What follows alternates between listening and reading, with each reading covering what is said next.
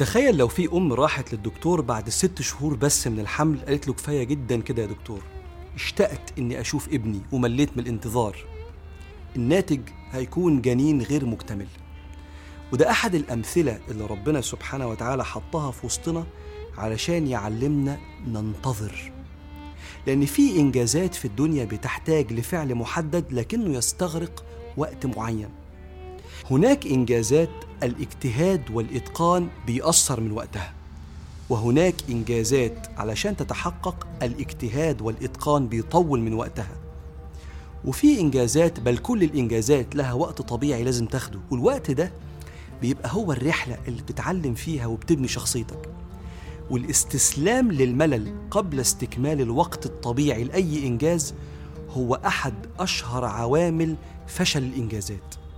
علشان كده العلماء علمونا إن في سنة ربانية ربنا بيتعامل بيها ثابت من الثوابت الربانية اللي ربنا بيعاملنا بيها اسمه التدرج. هو الذي خلق السماوات والأرض في ستة أيام ثم استوى على العرش.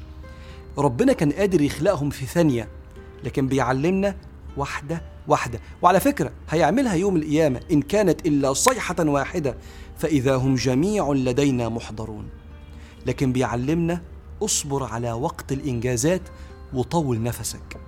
جيمس وات ده مهندس اسكتلندي هو اللي اخترع محرك البخار. قعد عشرين سنة يخترع ويطور فيه لغاية ما طلع المنتج النهائي. ويليام هارفي ده الطبيب الإنجليزي اللي اكتشف الدورة الدموية. 30 سنة تجارب وأبحاث عشان يثبت طبيعة الدورة الدموية. الإمام الكبير البخاري رضي الله عنه 16 سنة بيلف الدنيا علشان يجمع ويصنف صحيح البخاري. طبيعي كل إنجاز ليه وقت واللي مش هيطول نفسه ويستسلم للملل مش هيحقق حاجة. عشان كده القائد المخضرم نابليون كان بيقول يحوز النصر من يصبر أكثر. ورحلة إصلاح النفس اللي الواحد بيحلم بيها حتى يأتي الله بقلب سليم بتاخد وقت. فما تستسلمش كل ما تغلط. رحلة إصلاح شريك الحياة بتاخد وقت فاصبر علشان نصلح من بعض وننتفع ببعض. يجوا لرسول الله صلى الله عليه وسلم في بداية الدعوة وقريش بتعذبهم يا رسول الله ألا تدعو لنا؟ ألا تستنصر لنا؟ فسيدنا النبي يقول لهم والله ليتمن الله هذا الأمر.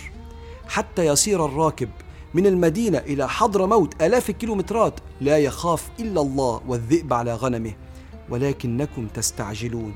اصبر وطول نفسك. اصبر وطول نفسك علشان تحقق اللي بتحلم بيه. الوقت عامل طبيعي جدا في الدنيا. جون ماكسويل أحد كبار علماء الإدارة بيقول كلمة تأمل فيها. بيقول النجاح الحقيقي يكمن في الشعور بالخوف أو النفور الملل يعني. في الشعور بالخوف أو النفور ثم العمل بعد ذلك. النجاح الحقيقي إنك تمل وتكمل. عشان كده الحل حسن من أدائك في أي حاجة حاسس إنها اتأخرت وراجع بذلك للمجهود. يمكن يكون عدم بذلك للمجهود الكافي ده اللي مطول المدة. ثم اقبل الوقت بعد كده لو أنت عامل اللي عليك. الحاجة التانية دايما تخيل كل ما تمل عشان تطول نفسك تخيل الانتهاء. والفوز بالإنجاز اللي بتحلم بيه. ربنا بيقول في الآخرة كأنهم يوم يرونها لم يلبثوا إلا ساعة من النهار يتعارفون بينهم. تعدي الدنيا كأنها ساعة وقت ما نشوف جنة ربنا سبحانه وتعالى. عدت بسرعة وقت ما نشوف الإنجاز. عشان كده طول نفسك. الوقت عامل طبيعي جدا من عوامل النجاح. فاللهم يا رحمن أفض على نفوسنا بالهمة العالية وبث الحياة. في أركاننا.